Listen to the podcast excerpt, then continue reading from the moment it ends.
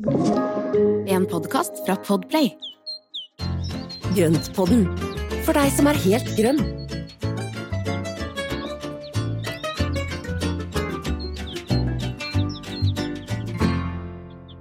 Hallo alle sammen, velkommen til Grøntpodden. Velkommen alle sammen. Ja. Nå er det en ny grønn episode som eh, vi har gleda oss veldig til. Ja, det har vi, Espen.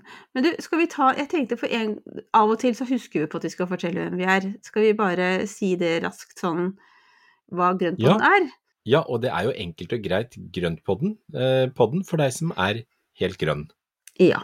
Det er for gamle og nye og erfarne og mer uerfarne, eh, for vi har lyst til å inspirere enda flere til å få enda grønnere fingre. Mm. Man har dyrka i mange, mange år og kan eh, trenge litt sånn tips og råd, eller noen, kanskje noen, eh, noen eh, hva skal man kalle det, åpenbaringer av noen skjønnheter av noen planter. Nye impulser.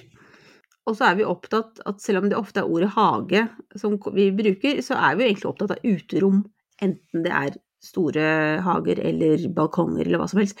Vi merker jo selv at det, det å ha vekster rundt seg gjør en forskjell, så vi ønsker at andre også skal ha planter i livet sitt. Ja. Mm.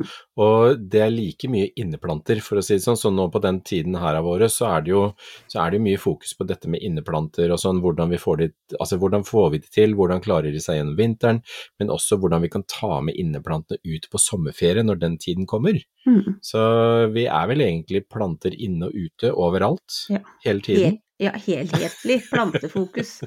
Og så er vi opptatt av eh, å tenke si, mest naturvennlig i forhold til mm. hvordan vi eh, håndterer plantene, dyrking, hva vi bruker for å få dem til å trives, Mm. eh, og jobbe med naturen, og ikke Ja. forsøke å, å beherske den. Nei. Spille på lag med naturen, men også det å da få en levende hage og altså levende jord, altså nok plass til insektene, at alle skal ha det bra. Så, Mm. Men vi har jo egentlig, altså for de som er nye og kommet til nå i siste, så, så om oss da, så har jo vi kjent hverandre i en årrekke. Vi ble jo kjent for uh, veldig mange år siden da du var redaktør og jeg jobbet med annonsesalg i mm. Design Interiør, et magasin. Å, Det er så I Skipsted forlag. Det føles liksom ikke lenge siden, så ble jeg sittende her og tenke på sånn, og så begynte jeg å telle at man kunne liksom telle litt i tiår, og da la jeg fra meg den tanken. Det er noen år siden, Ja. men vi, vi holder oss usedvanlig godt, så vi ser vel egentlig Ja, ut som vi gjorde da. I fall i hvert fall i egne øyne. Ja. Men det vi ser eh, veldig tydelig på, er at det, altså det at barna dine nå begynner å bli så store. For det var jo litt av målestokken, for du fikk jo barn på akkurat på den tiden når, eh, når, mm. du, eh, når du da tok permisjon og jeg flyttet videre til D2, så, så, så ja, så det har gått noen år. Det syns jo veldig godt. Det er jo et veldig det. synlig bevis. ja, veldig. Når du, det er snart høyere enn meg alle sammen, og en del har både kviser og bart. Så Ja, det, ikke sant? så, sånn er det. Men jeg kan si at fordelingen, altså, og grunnen da til at vi har begynt med Grønnpodden, er jo det at eh, Espen er jo planteeksperten. Han kan masse om det, har liksom brent for det her siden han var seks år, og sikkert før det òg, men da fikk du ditt første bed. Mm. og han er nå aktuell med bok. Eh, men så flytta jeg fra veldig lettstelt naturtomt på Nordstrand i Oslo til stor gård i Skåne, med en veldig Mm. velopparbeidet, men også litt overgrodd hage. Eh, og da begynte vi å snakkes enda mer, og fant ut at det her er jo kjempenyttig stoff for oss andre å lære seg gjennom de samtalene våre. Og Mm. da ble Grønnpodden skapt. Ja, og det var jo veldig spennende, for du flyttet jo til en gård hvor det hadde bodd gartnere Ja. som har dyrket ulike ting, altså ulike vekster som nå titter opp både her og både der, og, og du har jo noen skatter nede hos deg som mange andre bare ville drømt om. I Ja. tillegg til klima, selvfølgelig. Ja, og det er jo det som er eh, litt spennende, er jo at jo, gjennom å lære ting i podden, så har jeg da begynt å se flere og flere av plantene, hva det faktisk er for noe. så, Det er liksom en læringskurve, eller bratt Absolutt. læringskurve på plantefronten, altså. ja, jeg vil ikke si at den hagen var perler for svin, men det var veldig farlig nært når vi flytta inn. Det er blitt bedre på Ja. disse fem årene som har gått. Ja, men nå blir den jo veldig verdsatt, og nå, nå blir den jo både tatt, både tatt vare på, og, og du kjenner igjen tingene der. Og det er jo en god start for å forvalte den videre. Absolutt. Mm. Men bare si sånn at i rollefordelingen da, er at Espen han er den som sitter på det meste av svarene. Jeg kan i større grad enn da vi starta for to år siden, bidra med litt input, jeg også. Eh, men jeg er da intervjueren, kan vi si. Jeg er liksom folkets Ja. representant. For jeg regner med at når jeg lurer på noe, så er det også mange av dere som lurer på det. Um, og hvis det er ting som dere Og så dere holder du meg litt i tømmene, for jeg, jeg har en tendens til å drømme meg litt for mye bort, så det er veldig fint at du tar og samler meg sammen og styrer meg, loser meg i, i en god retning. Ja, men det var hyggelig. Når det er sagt, så kan vi også innrømme at vi er ganske gode på digresjoner. Ja. Uh, vi, kan, vi tenker på det som krydder, vi. Um, Mm. Vi kommer som regel i mål, da, der vi har tenkt oss. Ja. Det gjør vi, og, og det, er jo, det er jo da den eh, Det er den der veien for å komme i mål som vi nå ser på både i hagen og ellers, er at det, noen ganger så tar det noen krumspring, og det er ikke alltid at hagen eller plantene gjør sånn som vi vil. Mm. Og det er også en del av hele greia. Altså ting, ting lander som regel sånn som det skal. ja. Jeg synes det var en veldig fin avslutning på introduksjonen vår. Forrige episode så lovte vi jo at vi skulle snakke om stauder. Ja, og Robuste derfor- stauder. Ja, og mm. derfor så har vi tenkt å snakke om tulipaner. Nå, nå tar vi dypdykk i tulipanene. Ha, ha. Ja. Det verste vet du, er at det på en måte er jo litt sånn, vi blir litt frista av hverandre. Men nei, vi skal ikke snakke om tulipaner. Det har vi faktisk gjort før, så det kan dere jo Mm. finne tilbake til denne episoden. Nei, i dag skal vi holde oss i stauder.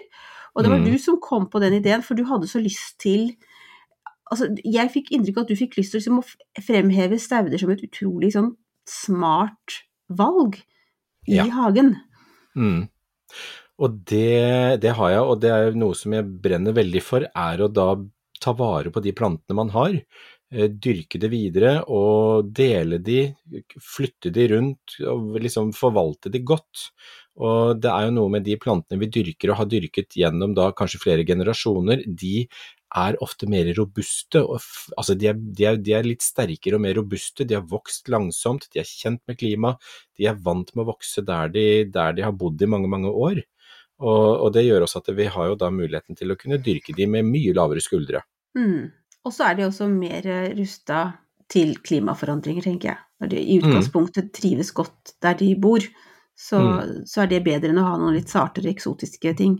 Ja, Og så er det noe med at hvis vi da klarer å hente inn eh, stauder som er, er liksom beregna for den, den klimasonen vi bor i, eller altså det, altså det handler jo også om da Én ting er kulde og vær og vind, men det er jo også ikke minst regn.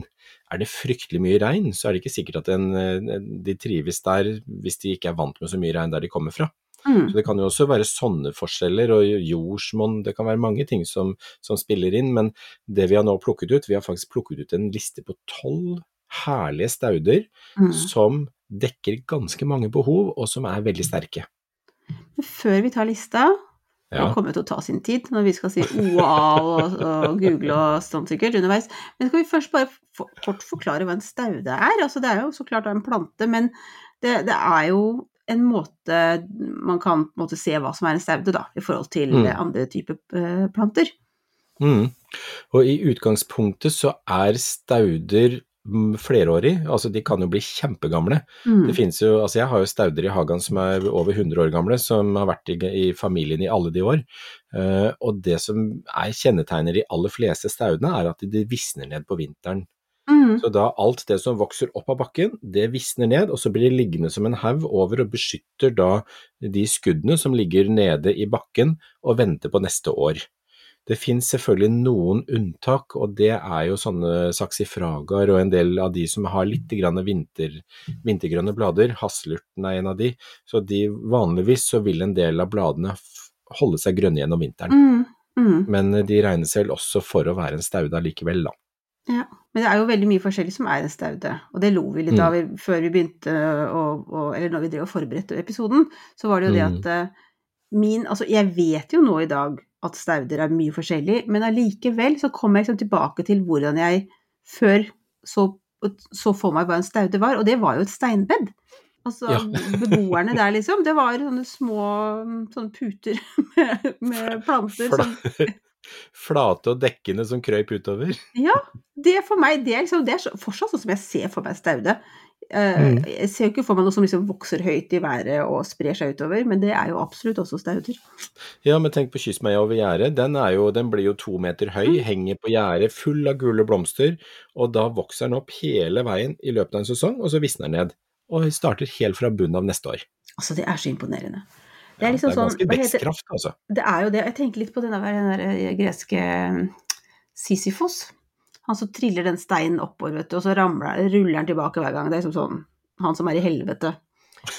Så evighetsarbeidet. På en måte så er jo Ja. det plantene gjør.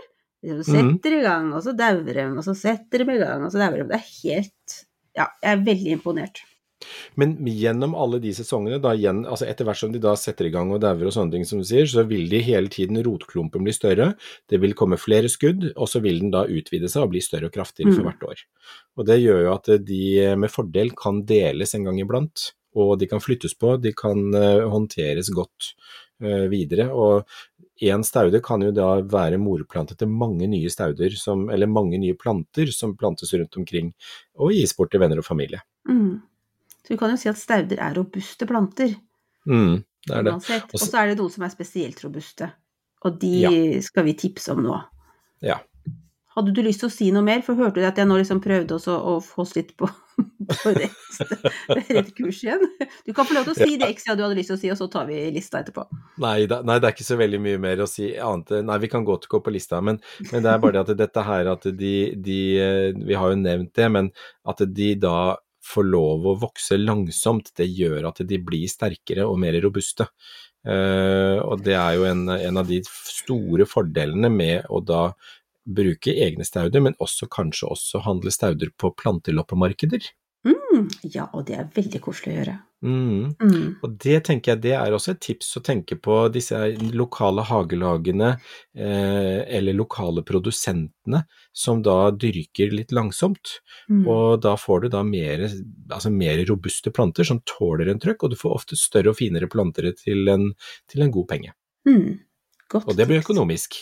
Det er økonomisk. det er ja, for hvis du kjøper en uh, rimelig plante som dauer, så er det fortsatt dyrt. Ja. For da må du kjøpe en ny en. Mm. Og så tenker man får et annet forhold til uterommet sitt når han har planter som blir gamle venner. Ja, ja, ja, ja, klart det. Der var du igjen, liksom. Det er jo innmari koselig. Sånn gjen, gjensyn hvert år. Ja, ja. Nei, men du, nå går vi på lista vår. Ja. Eh, og jeg har skrevet den ned, og den er mm. veldig ikke i For det vi tenkte, var at vi prøvde å få noen for hver del av uh, den, den blomstrende sesongen. Mm. Men vi, altså, jeg skrev dem jo bare ned veldig hulter til bulter. Så du Det er prøver ikke vi- alfabeti- de er ikke alfabetisk eller noe som helst annet. Er det, er det fargekoordinert? Jeg vet ikke det heller. Nei, det er bare kaos. Nei. Vet du hva, dette her er en veldig interessant liste. Skulle, eller vi kan jo skrive den opp i samme rekkefølge på, på Instagram og Facebook, så skal dere få se den. For dette, den er ikke sortert etter farve, ikke etter alfabet, ikke etter klimasone, eh, heller ikke høyde Nei. eller blomstringstidspunkt. Den er ikke sortert etter noe, denne her. Men det er veldig fine planter. Det skal vi si. Ja, det, kan vi, det er fellesnevner, da. Da vi, Men da kan vi begynne med én, den første på lista. Vi- Det er begynner- høstanemoner. Ja. Oh. Ja. Men der syns jeg nesten vi begynte liksom med favoritten, ja. Nei, det kan jeg ikke Ja. si, for det er så mange favoritter her. Men jeg Ja. elsker høstanemone. Vil du beskrive den? Den er veldig fin. Det er jo nydelige planter som da, som da vokser opp og blir alt fra en eh, halvmeter til en drøy meter. Mm. Eh, litt, sånn, altså, litt sånn skjøre blomster. Det er veldig sånn anemoneblomster som er enkle ofte. Det fins også i fylt. Rosa toner og hvit. Mm. Ja, nei, de er bare så vakre. Er vel, jeg syns de er litt poetiske. Og samtidig Ja. så er de jo litt morsomme, for det er veldig sånn tydelig Det er jo litt sånn som et barn ville tegna en blomst. Naive blomster. Det er Ja. litt sånn naive blomster, og, og de blir jo veldig sånn høye og elegante, for ofte så har de bladverket litt nede, nede og, så, og så har de da litt høyere, tynne, tynne stilker med blomster på toppen. Mm. Og det gjør at de, de svever litt grann over dette Ja, bladverket er som er neden. Ja. Så blir det gjerne mange de- av dem, så det blir jo liksom en hel gjeng som svever der i luften, og så er det Ja. veldig fint. For de setter sideskudd og danner en større tue, og da vil de, litt avhengig av sort, være herdig til H3 til H5. Betyr det nesten to tredjedeler av landet, eller halvparten, eller hva Ja. vil du si? Jeg vil jo si det, altså ja, mye det, Store deler av landet. Så Mm. vil de kunne fungere godt. Og uansett, så det må vi også alltid si, at plantene har ikke lest klimasonekartet, så det er alltid verdt å prøve. Det er liksom Prøv, prøv å se hvordan det går. Finn en lun krok hvis du tror du er litt sånn i, i grenseland. Sett planta i en lun krok, sett den i le for noen andre eller et eller annet, og da vil det ofte kunne gå bra. Mm. Er det noe mer vi skal si om den, annet enn at hvis du ikke vet hvordan den ser ut, så bør du google. Den er Mm. veldig pen. Jeg syns den er litt kan, vi, kan, poetisk. eh, vi kan prøve å få lagt ut bilder av det aller meste her, så det har vi jo. Så det skal vi gjøre. Det, det kan vi gjøre det. Redaktøren skal ta seg av det, Espen. Det går helt fint. Bra, takk. Neste vil jeg jo si på en måte også er litt sånn naiv i formspråk Eller altså, den er ikke raffin... Nei, det blir stygt å si. Men den er litt tydelig, den òg, i formen. Den Mm, er veldig sånn til stede. Det er blomst, er noe- blomst. Det er en blomst, blomst. Ja, men det er liksom det er tydelig senter, kronbladet rundt. Veldig tydelig. Det er blomst, blomst. Ja, farger. Midt. Ja. Mm. Ja, stilk. Og det er rød solhatt. Kan du ikke si det latinske navnet? Jeg klarer ikke å uttale det. Eh, Echinocea purpurea, og det er jo da den røde solhatten, men det finnes jo da i ulike rosatoner, den finnes i hvit, den finnes eh, denne green twister som er rosa med litt grønt ytterst i kronbladene. Eh, Noen har litt større midt, eh, som da etter hvert som blomsten modnes, så, så vokser denne midten, ikke sant, denne Mm. blomsterbunnen, og den er egentlig veldig fin å bruke i buketter og dekorasjoner, bare blomstermidten. Ja, så også, bare nappe av kronbladene, og så bruke den der klumpen som en dekorelement. Det er kjempegøy. den er kjempe, jeg syns den er kjempefin. Men, og den er jo Mm. egentlig solhatt, har jo jeg sagt, eller har jo folk ønsket seg, og vi har snakket om det, og jeg har gjort litt research, og jeg vil veldig gjerne at vi har en egen episode om det i løpet av Mm. året. Fordi det er jo noe med at, eh, og nå skal jeg prøve å si dette ordet, da, enikasea, Ja, og rudbeckia er det samme, eller om det ikke er det. Og så er det jo mange forskjellige, det er jo Solat, men det er også noe som heter ratibida og Mexico. Altså det her er en fantastisk spennende familie som vi skal Så gå har du heleniumene som er veldig tett, altså som er veldig tette på også, og det er jo Hvis ikke jeg vet, husker feil, så er jo en, de aller fleste av disse her borte fra prærien eller borte i Amerika-området. Absolutt. Hvor de da kommer fra, og de, der står de jo liksom og vaier i vinden. og Montedon hadde et kjempefint program om amerikanske hager, hvor det var noen veldig Ja, spennende, ja, veldig. Det spennende sånne områder. ja, Mm. det var, ja, som du nesten ikke ser at det er en hage, men at det bare ser Det er liksom som bare prærie med masse blomster. Kjempegøy. Men eh, jeg skal også si da om solhatten at den er jo veldig fin, for mange bruker jo den også i forhold til å styrke immunforsvaret med dråper man kjøper på apotek eller i helsekosten, eh, som da styrker immunforsvaret, men den er herdig til H6. Så den Altså, det er ganske imponerende når man bor på prærien. Ja, det er Ja, nei, det må jeg ja. si. Jeg syns den er veldig morsom. solhatt er, ja, så solhatten er kjempefin. Den bør være med. Hva er det vi har videre da, Espen? For nå begynte jeg å google, vet du. Du vet, jeg Da klarer ikke å la være. Hosta trenger jeg ikke å google på. Svart, svart belte i googling, det er bra. Ja, men det er så hyggelig, for da sitter jeg liksom og hører at du forteller om det, og så ser jeg på de mm, blomsterbildene. Ikke sant? Men neste er hosta. Den kjenner flust, du veldig godt. Det har jeg flust av i hagen. Jeg har Mm. Empress Vu, er det ikke det hun heter? Den svære. Den med liksom svære. gigantiske bladene. Hosta Mm. er altså takler alt. Jeg tenker at det er rotter og hosta som kommer til å overleve atomvinteren. Ja. Den er eh, Uff, det var veldig, veldig dystert, men ja. fælt. Den, Hostaen den er veldig, veldig robust, og den klarer seg til H7, og fins jo i et uendelig antall med, Mm. med varianter.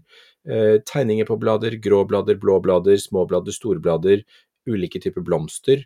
Og eh, alt fra Empress Vu, som er den store som du har, til de deres små og nesten helt hvite, som, Mm. eh, som eh, nesten ikke har klorofyll i det hele tatt. Men kjempefine planter. Og, Og er spiselig. spiselige. Ja, det søren meg, det er sant, Mm. de blomstene. Mm. Nei, ja, for så vidt, det er det også, men de, hvis du tar skuddene altså Ja, det er jo, jeg har ikke ja, jeg har ikke spist- har ikke det er spist for blomsten, altså.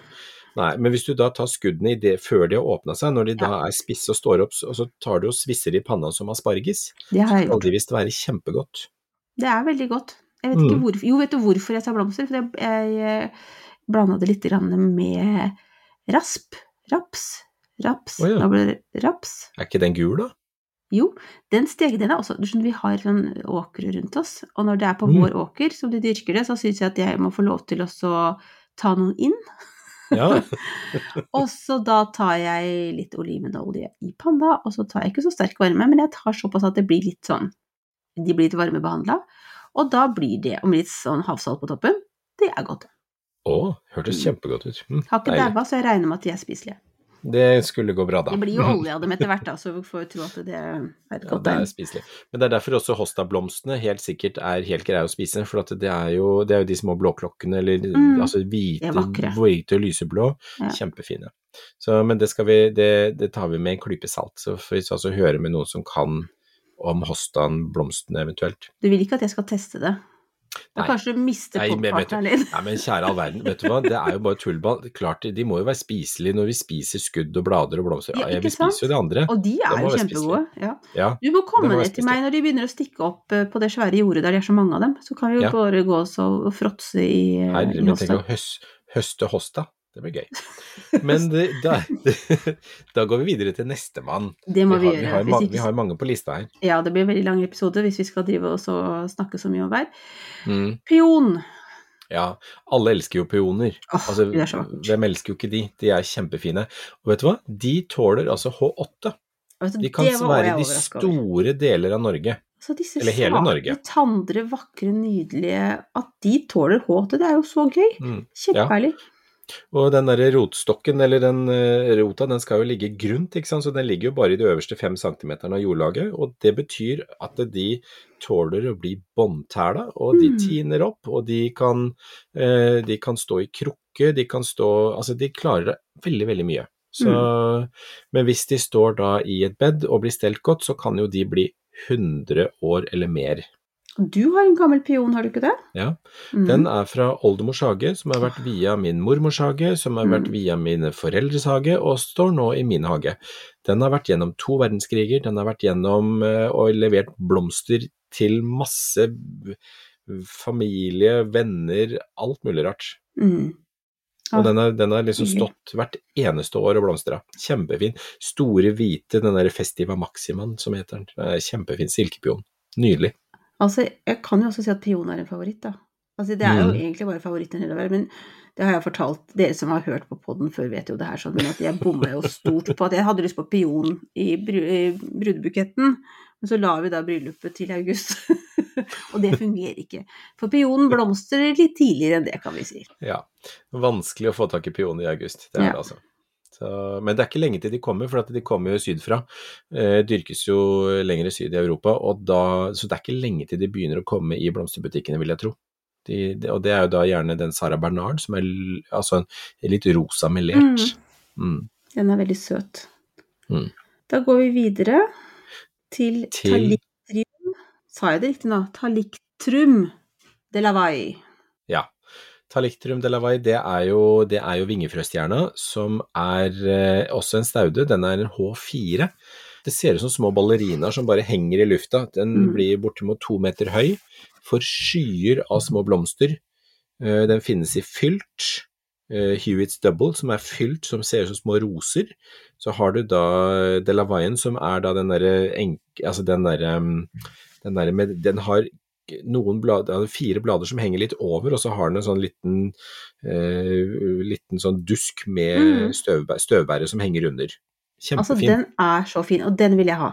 Den Ja. har jeg ikke i hagen i det hele tatt. Og jeg, nå har jeg skrevet ned på hånda hva den heter. Nå har, kan jeg også sjekke, sjekke skjemaet vårt, så klart.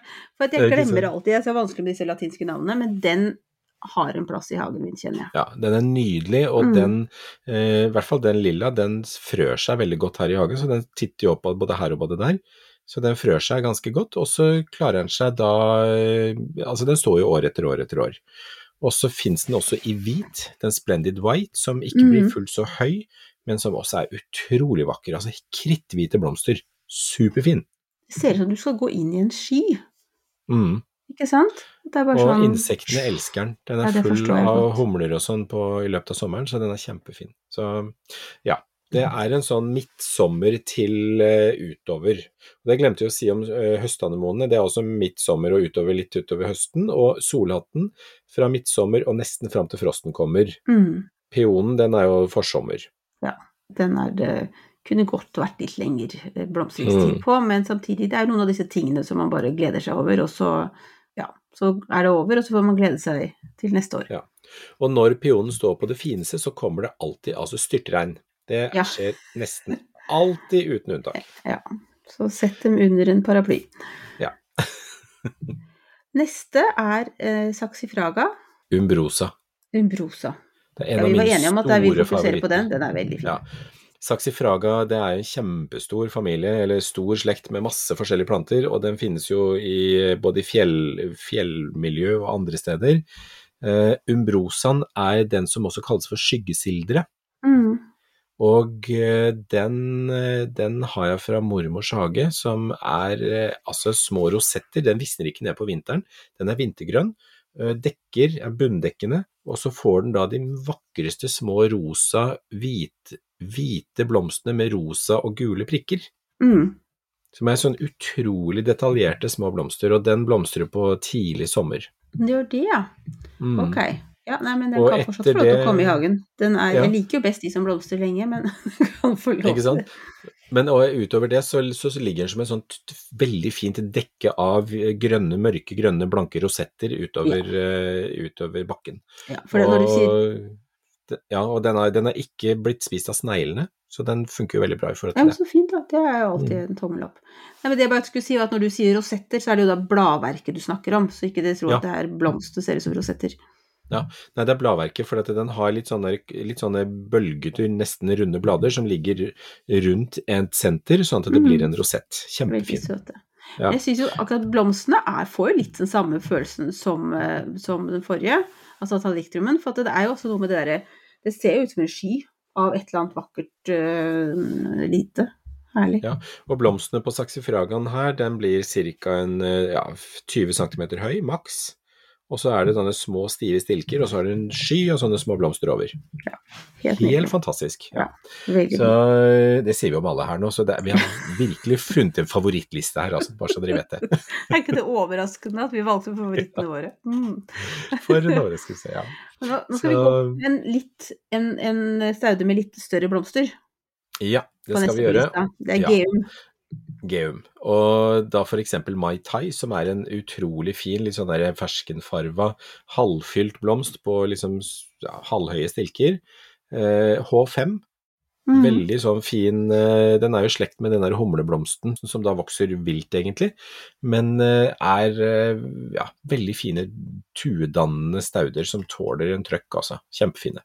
Og Den har jo også litt sånn at bladene ligger litt lenger ned, og så kommer blomstene opp på ganske lange stilker. Men den er jo ikke, så, den er jo ikke kjempehøy akkurat, det er den vel ikke? Nei, de er vel en 20-30 cm høye, og, og det som er fint da, det er at det, siden bladverket holder seg litt nede, så vil jo blomstene synes ekstra godt. Mm.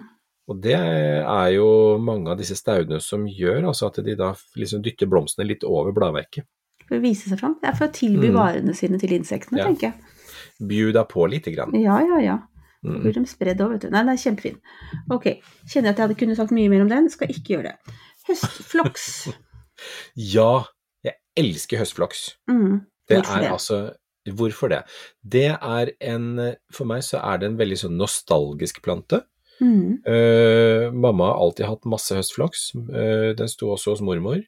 Uh, den er veldig ulike blomster på. Den har liksom hvite, rosa, blålilla, litt sånne. Den blomstrer lenge, og den lukter godt.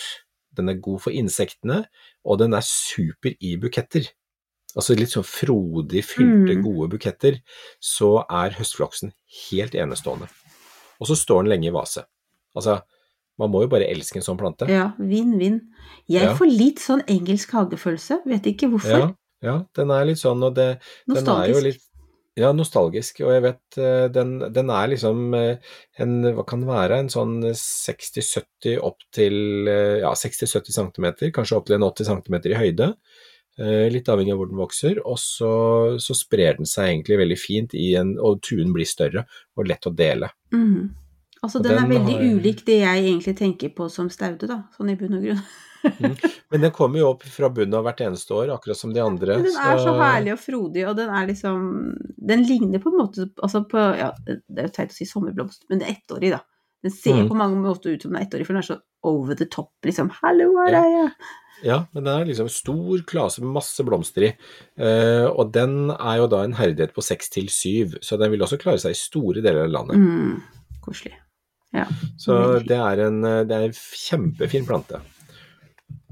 Vil du ta den eller? blomstrer jo Ja, skal jeg bare si at høstfloksen den, den blomstrer jo da gjerne fra ja, noen ganger slutten, midten til slutten av juli, og utover et godt stykke ut i september. Her i Oslo-området i hvert fall. Ja. Men Mm. når er det sommerfloksblomstrer da? Sommerfloksen, altså den eh, drumondien som jeg hadde i fjor, den begynte jo søren tute meg i juni, oh, og den ga Gud, seg ikke før frosten kom, så de siste blomstene frøs jo. Så den holdt på hele sommeren. Det var denne som eh, eh, heter krembru... Nei, jo, krembru... Nei, Jo. eh, ikke crème brûlée, men sherrykaramell. Ja, det var den du hadde, og jeg har kjøpt brulé i år, så jeg gleder Ja. meg veldig. Ja, og den, eh, og den, eh, den, altså den var helt rå, så jeg har, nå har jeg utvida med en eh, ny som er litt sånn rosa toner, og så tok jeg frø av denne sherry karamellen som Nei, herre min, nå sier jeg feil igjen. Eh, hva var det jeg sa? Jo, sherry karamell. Jo. Jeg tok frø av den, og sånn at jeg Mhm. skal så opp de, og så har jeg den der rosa toner også, som jeg også skal så opp. Så det er sommerfloksen. Og så har du vårflokk som er putedannende. Mm. Så det er jo også en, eh, det er også en floks. det er Du har mange Floks. ulike typer. Ja. Men høstfloksen det er den jeg har lyst til å løfte frem her, altså. For den, den er bare så fin. Veldig, veldig fin. Mm. En annen som også er veldig, veldig fin, jeg tar den for deg, Espen. Høstormdrue. Den Ja. er fin, den.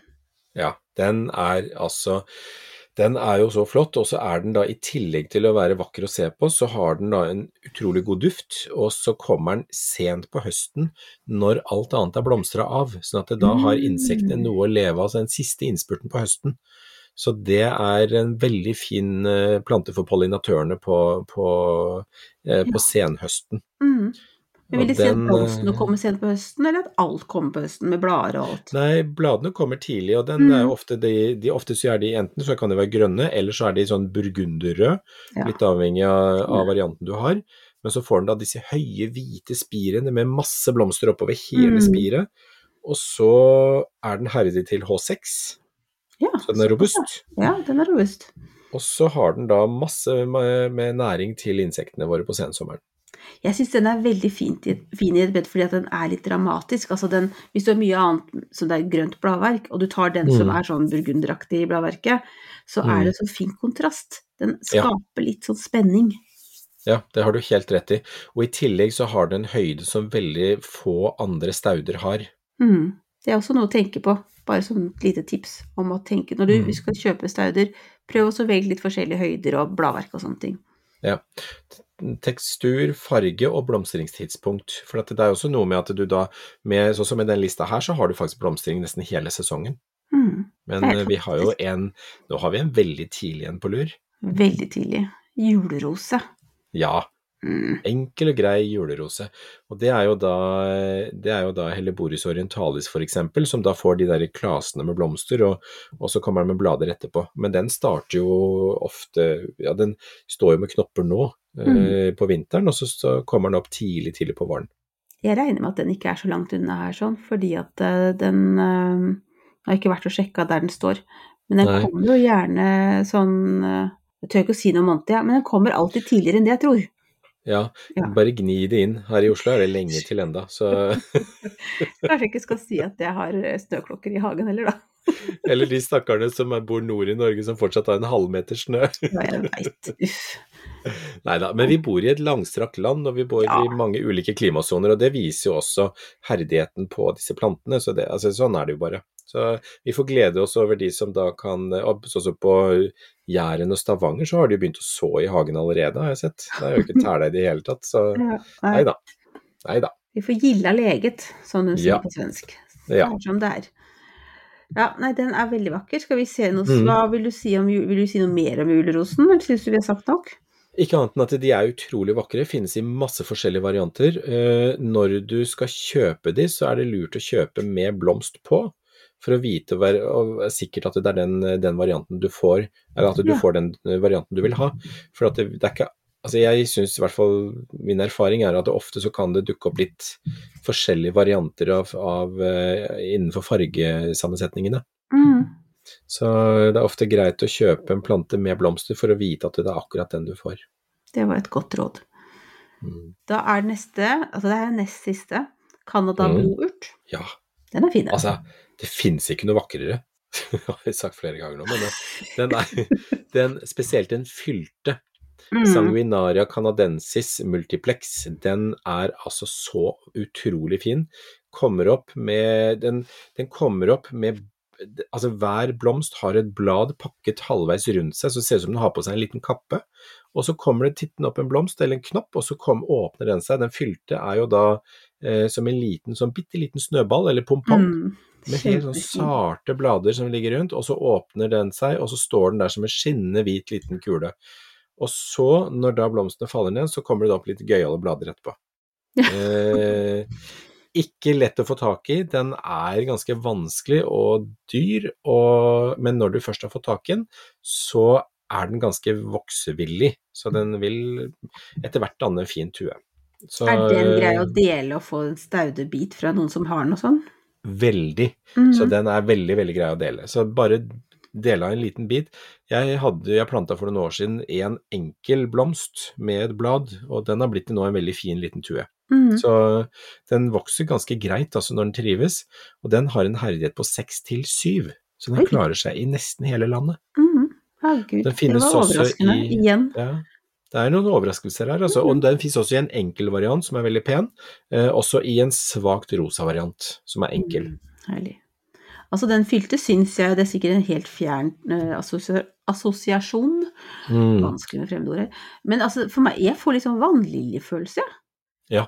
Det er Er det alle bladene, kanskje? Så Ja, Og de ligger, altså de, altså de ligger jo litt sånn utapå hverandre, så Mhm. det Jeg la den ut på Instagrammen min for noen dager siden, og det er, den, er, den, den er veldig, veldig, veldig fin, altså.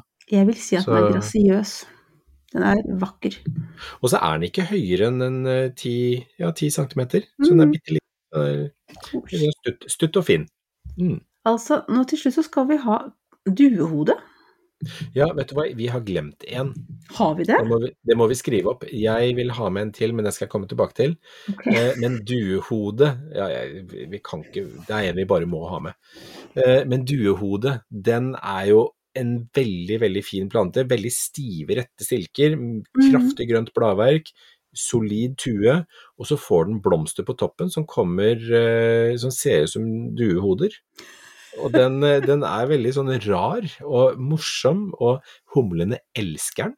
Aha, Og så blomstrer den gjerne i slutten av september, eh, så fra midten av september og utover så blomstrer den. Det var seint. Mm. Holder den koken fram til frosten da, eller hva? Ja, nesten. Mm. Så det er det som er så fint med den, at den også ivaretar den derre seine blomstringa som, som er Mm. god for insektene. Så, så den, er, den er veldig fin. H8 klarer det aller meste. Sol, halvskygge og vokser som rakkeren. Superstaude, rett og slett. Ja. Og så har vi da den siste. Det er Mhm. altså storhjortetrøst. Oi! Å ja. Og den holdt vi på å glemme. Og det er jo Jeg kjøpte en, eh, en eh, plante i Var det i forfjor? Hos uh, Mjærum nede i Hobøl. Og den ble altså så fin. Og den har jeg satt ved siden av en cotinus som, som er sånn burgunder i bladverket, og så har jeg den storhjortetrøsten som blir Den blir jo halvannen til to meter høy. Den blir høy og fin. Store skjermer, blomstrer seint. Fantastisk til humlene.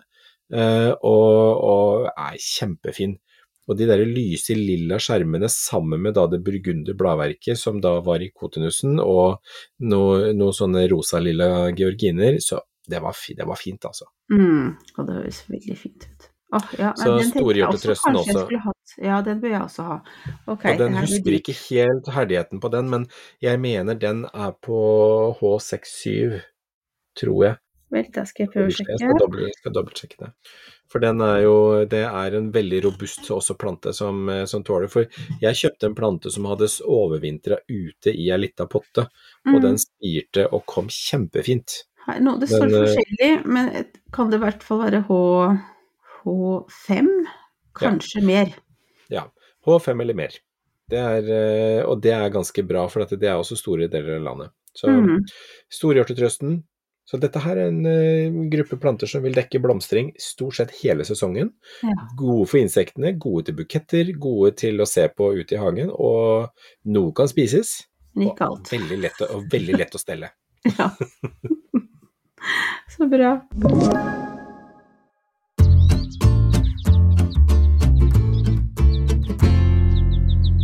Espen, nå tror jeg vi har snakket oss egentlig helt uh, bort. Nei, ikke bort, vi har ikke gjort det, men vi har i hvert fall bare veldig om Det ble, det ble mye. Altså, men sånn er det, Det når man snakker omfattende. om favoritter. Ja, det ble Ja. Mm. Men nå skal vi bare ta kort, litt sånn praktisk, tenkte jeg. Hvordan dele disse staudene og flytte på dem? Ja, og det er jo egentlig Det er to tidspunkter på året du kan gjøre det. Det ene er på høsten. eh, Etter at det liksom all vekst er ferdig, når tingene roer seg ned i hagen, så er det veldig lurt å bytte de, for eller å dele de og, og flytte på de. For at da er det ikke så mye krav til å liksom holde bladmassen i gang.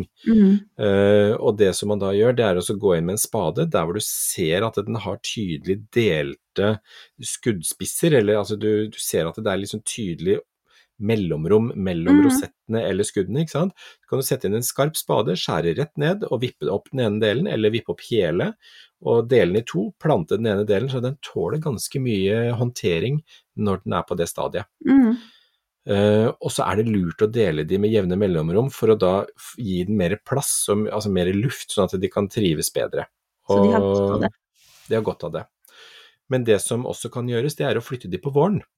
Og ta de da umiddelbart etter at jorda har tint opp, og før de har begynt å skyte.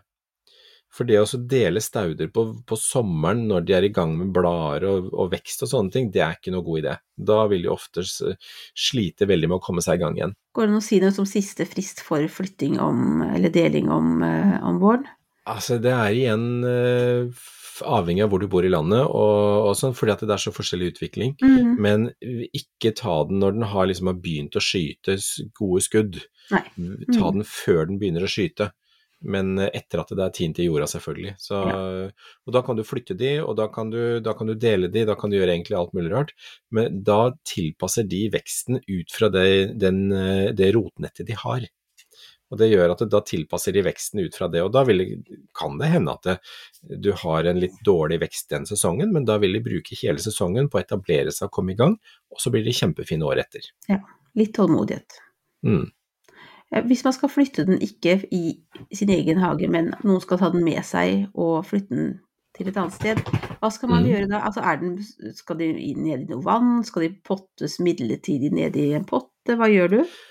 Veldig lurt å putte det i en potte. altså Sett gjerne litt jord rundt, sett det i en potte og hold det jevnt fuktig, og så, og så vil det kunne fungere med det. Uh, Alternativet i en pose med litt jord og fuktighet, sånn at de da ikke tørker ut på røttene. For det er jo det viktigste, er at røttene ikke tørker ut. Eh, det er jo én mulighet til, men det er jo da mange får jo kjøpt barotstauder nå. Mm. Eller mange selger det. Ja. Og det å, å kjøpe de er jo også veldig greit. Men det tror jeg faktisk at vi skal ta i en egen episode, hva vi gjør med barrotstauder. ja, men det kan vi godt gjøre. Jeg Fordi tror det blir en kortere er- episode enn den her. Vet du hva, vi skal, vi skal, kanskje vi skal gjøre det en av de nærmeste ukene. Vi tar det etter vinterferien. Så kommer vi tilbake til mer, mer vårstell og barotstauder, tror jeg vi gjør. Da må vi skrive opp det, Espen, så at vi husker Ja, det skal vi notere. Ja. Ja, men det var bra. Ja, men da gidder jeg ikke å spørre om det nå. Da tar vi det litt senere, vi. Rett og slett. Mm.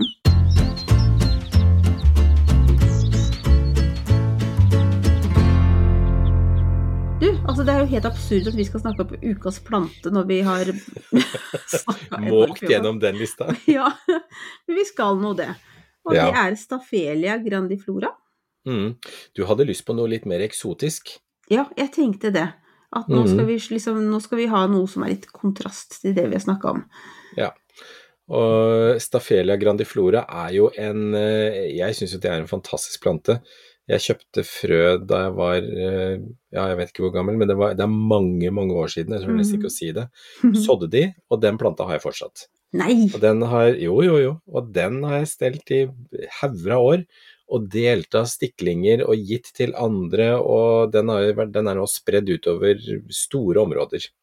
Beskriv den. det er en ganske stor slekt med, med stafelia og de eh, som kalles for ordensblomst. Eh, Det finnes også noen varianter, som, altså en annen gren som heter huernia, men felles for de alle er at de har en krypende sånne stengel, sukkulent, ste, sukkulente stengler som kryper bortover og setter røtter i Mhm. underlaget. De har eh, et krav til veldig god drenering, kommer fra Sør-Afrika, som veldig mye annet spennende gjør. Eh, Og så har de altså noen blomster som er helt, helt tullete morsomme å se på. Eh, Og så stinker de. De lukter altså så vondt. De, de lukter, de lukter råttent kjøtt og åtsel. Så det er eh, Altså, nei, det lukter helt forferdelig. Men grunnen til det er at det er fluer som kommer og skal bestøve de. Så Og de liker lukta. Ja. Ja, selvfølgelig. Mm. Så disse her svære spyfluene, de kommer jo Jeg hadde den jo ute her i, i sommer, og den lukta jo som virkelig gær. Og de største, grønneste spyfluene, de kom jo. De sverma Mm. rundt og kosa seg. Mm. Den er ikke kjøtteter eller noe sånt, det bare står der og er hyggelig. Ja, den er, den er ikke noe gærent med den, og den blir også kalt for sjøstjerneblomst, eller ja, Den sånne, ser ut som en eh, sjøstjerne. Ja, som ligger utover brei. Og de blomstene på denne grandifloraen, de er jo en seks til 6-8 cm i diameter fra spiss til spiss, så de er svære. Oi. Og så er de helt hårete. Kjempehårete. Og hvor lenge Det- altså, Blomstrer dem og lukter vondt hele tiden mens de blomstrer, eller hva er liksom Nei, altså det starter gjerne på de første par dagene, og så dabber det av på tredje dagen, og så eh, lukker den seg igjen. Så blomstene holder gjerne en to-tre dager. mm. Så, så det, men jeg tenker at det, altså, jeg kan godt tåle litt dårlig lukt jeg, hvis det er så fine blomster. Klype på nesa. I, helt i, tre, i, tre, I tre dager. Ja, det, ja, ja. Det, det går greit. Når du vet hva det resten av er. familien enig, tenker jeg nå. Ingen kommentar. Skal vi det, skal vi la det temaet ligge nå? Skal vi gå videre til, til ukas spørsmål? Men de er også enkle å ta stiklinger av, det vil jeg si. Men husk, som alle andre sukkulenter, la snittflaten tørke før du planter den, og så plante i, eh, i et eh, mineralsk substrat, altså grus, sandblanding. Det er lurt. Greit, da gjør vi det når vi får Mm. tak i en stafelia. Skal vi se, ukas spørsmål er fra Silje, som Mm. bor i Bodø. Også det her, det her er jo knytta opp til temaet. Ja, og det passa passer jo så fint. Mm. gjorde det. For hun satser veldig på stauder i år, Mm. og kjøpte inn Veldig bra. Ganske mange forskjellige Her kommer vi med lista. Ja, du vet, så nå er det bare å fylle på, Silje, hvis du ikke har fått med deg våre tips. Mm. Men, og nå har hun sådd dem, og, og er fornøyd med der de står. Rommet holder eh, 11-12 grader, og hun har plantelys som står på mm. halve døgnet. De frøene jeg har sådd til nå, skal alle dekkes med et tynt lag perlitt. Mm. Og de har, hun, har sådd frøene ett og ett i hjemmelagde jordbriketter, og har full beskrivelse med perlitt. Nå, noen Ja. dager etter såing, oppdager jeg at det tynne laget med perlitt er blitt hardt etter at jeg vannet. Dette overrasker meg, jeg lurer på hva jeg burde gjøre, eventuelt skal jeg bare la frøene ligge under det nå harde skorpen av perlitt. Det er det ene Det spørsmålet. Skal du Ja. begynne med å svare på det? Det kan vi gjøre, for det er veldig rart at det blir hardt, for at den, ofte, den holder seg jo ofte porøs nok. Men det jeg tenker på er at de fleste spirene er jo ganske, de er jo ganske kraftige. Så jeg vil jo tro at de finner en vei gjennom. Jeg ville kanskje ha dekket dem med vermikulitt istedenfor Ja, det var det jeg tenkte på. At, jeg, at uh, kanskje det er vermikulitt som skulle vært på toppen. Ja, for det er jo den som vanligvis legges over frøåsen, for at den er jo den er mykere, og den danner bare dette laget over som holder fuktigheten eh, grei der. Men jeg tenker også en annen sak at staudefrø vil ofte ha godt av å bli sådd inne, og så bør de stratifiseres. Ja. At man da setter de kjølig, slik at de da får en, en, en, eh, en tilnærmet vinterperiode. Og så mm. ta de fram i varmen igjen, slik at de kan spire. Bra. Da syns jeg vi har dekket første spørsmål. Mm. Eh, I tillegg lurer jeg på om jordbrikettene jeg har laget er for kompakte. Har dere noen erfaringer med å lage jordbriketter? Jeg har ikke det. Jeg har ikke prøvd det selv, så det tør jeg ikke si noe om. Eh, Det kommer litt an på hvilken jordtype du har, men, eh, men det bør egentlig Det skal vel mye til at du får pressa de så harde at ikke de fungerer, tror jeg.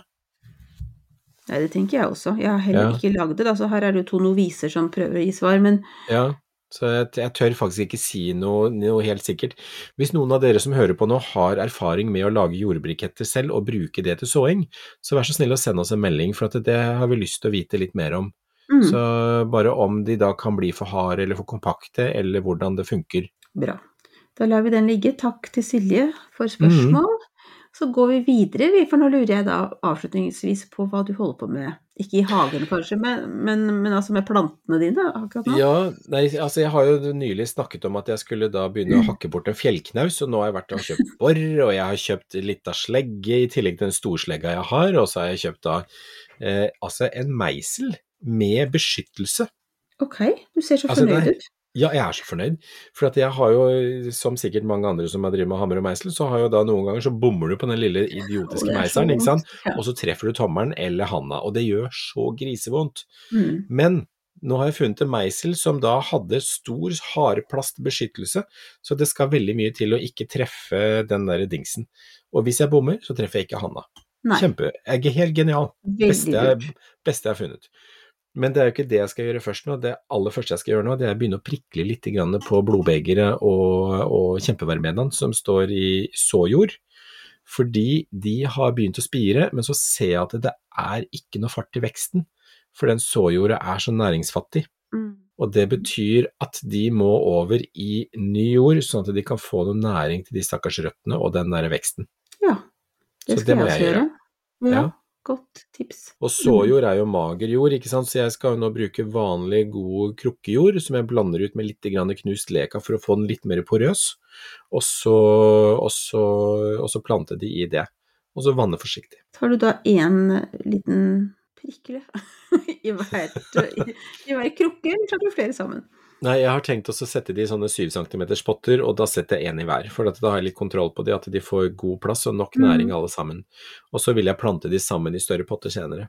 Ja. For da vil jeg få maks, eh, maks, fart på hver enkelt plante, og så se hvem som kommer. Så, så det tror jeg blir bra. Supert. Det, blir, det er veldig koselig, det er en koselig jobb, da. Ja, det er jo egentlig det. Så det er veldig. Du er inne og har det godt og forholdsvis varmt. Ja, ikke sant, under ja. plantelyset. Så mm. strekker jeg meg etter, etter lyset sånn som plantene. Så det. Men du da, Marianne, hva, ja, ikke sant. Hva, skal hva driver du med? Jeg må jo gjøre det samme, for altså, blodbegerne har jo kommet uh, godt i gang. Mm. Uh, så de begynner å slåss litt om plassen. Du vet, jeg sådde jo så klart alle frø, for jeg tok jo ikke og sparte noe til neste år. Nei. Så jeg driver en indre kamp om jeg skal liksom faktisk kippe ut noen allerede nå. Eller om jeg skal nei ikke begrense meg. Men altså, Nei. Espen, jeg har ikke plass. Har Nei, men ikke... Eh, fyll på så mye du kan, og så får du ja. heller gi bort noen uh, ganske tidlig. Ja, det var en god ja. idé. Kanskje ja. jeg kan bli sånn, jeg kan bli et eget lokale planteloppemarked. Ja, ja men altså Garasjesalg. Så kan ja. bare kjøpe et blodbeger, vær så god. Garasjesalg på blodbeger, det er veldig bra. Men hvordan går det med agurkplantene dine? Du, de har det veldig hyggelig. De mm. begynner så smått nå å vurdere om de skal klatre oppover på disse um, trådene jeg har montert opp, så det blir veldig bra.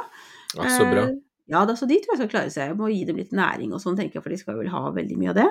Ja. Eh, Start forsiktig. Ja. Ikke, ikke, gi for kraftig næring for tidlig. Bare nei. bygge opp liksom, sånn at ikke du svir av røttene på de. Ja, nei, jeg har en forhistorie på å være fryktelig gjerrig på næring, så det er vel ikke okay. det største problemet. næring, okay. hva er det? Ja. Nei, men jo, også eh, har nå eh, kjempeverbenaen mm. kommet med de altså, mest puslete små eh, Vet ikke hva jeg skal kalle det. Det er spirenes spire. Altså, de er liksom så små, men de har begynt å komme nå.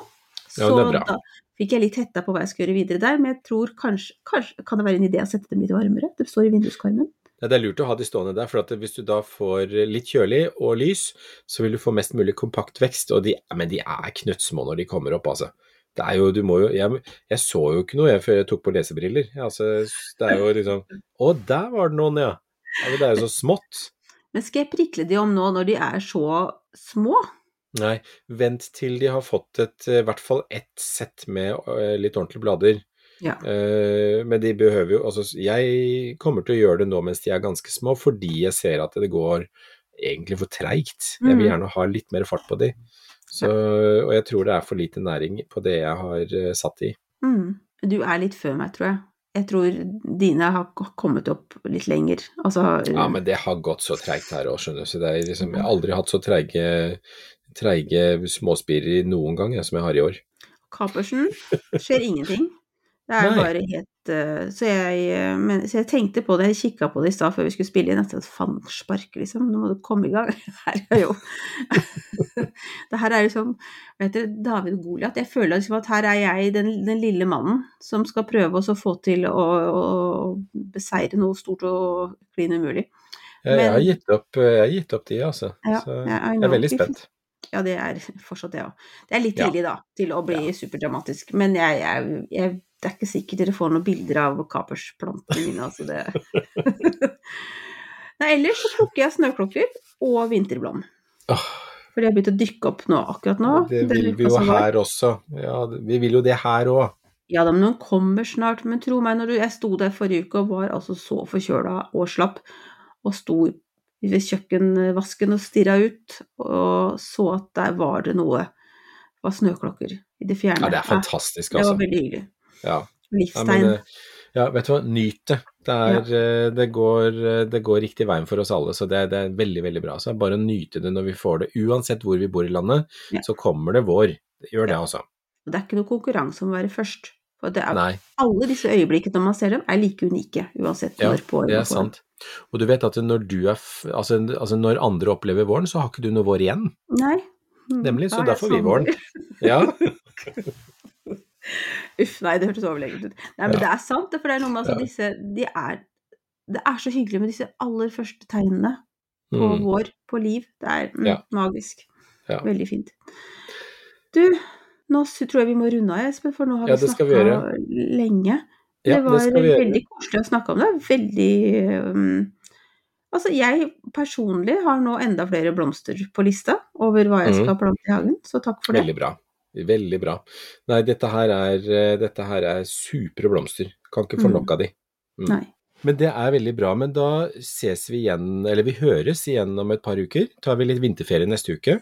Eh, og, så, og så skal vi lade opp med litt sånn eh, mer staudetips, tror jeg. For at det er, stauder er kjekt. Det er Mm. veldig fint, og det er veldig enkelt. Og nå, som sagt, det er en del som selger barrotstauder, så vi kommer tilbake til litt hva vi gjør med de. Ja. Men om det da Mm. blir neste episode etter vinterferien, eller om det blir litt lenger til, Ja, det, det finner vi ut av. det finner vi ut av. Ja. Det gjør Vi vi. lover ingenting. For plutselig så har vi funnet på noe annet som vi også har lyst til å snakke om. Så, ja. så det blir en surprise. Ja, klok av skade. Men i mellomtiden, følg oss da på Instagram. Tips gjerne andre om oss, altså både om Instagram-kontoen vår og om podden. Ja. Eh, Spre det grønne og glade budskapet. Ja, Mm. rett og slett. Hjelp oss med det. Eh, Vi vil gjerne lyttes på av flere. Mm. Tusen takk for i dag, alle sammen, og takk for at dere henger med. Takk for i dag. Ha det bra. Ha det.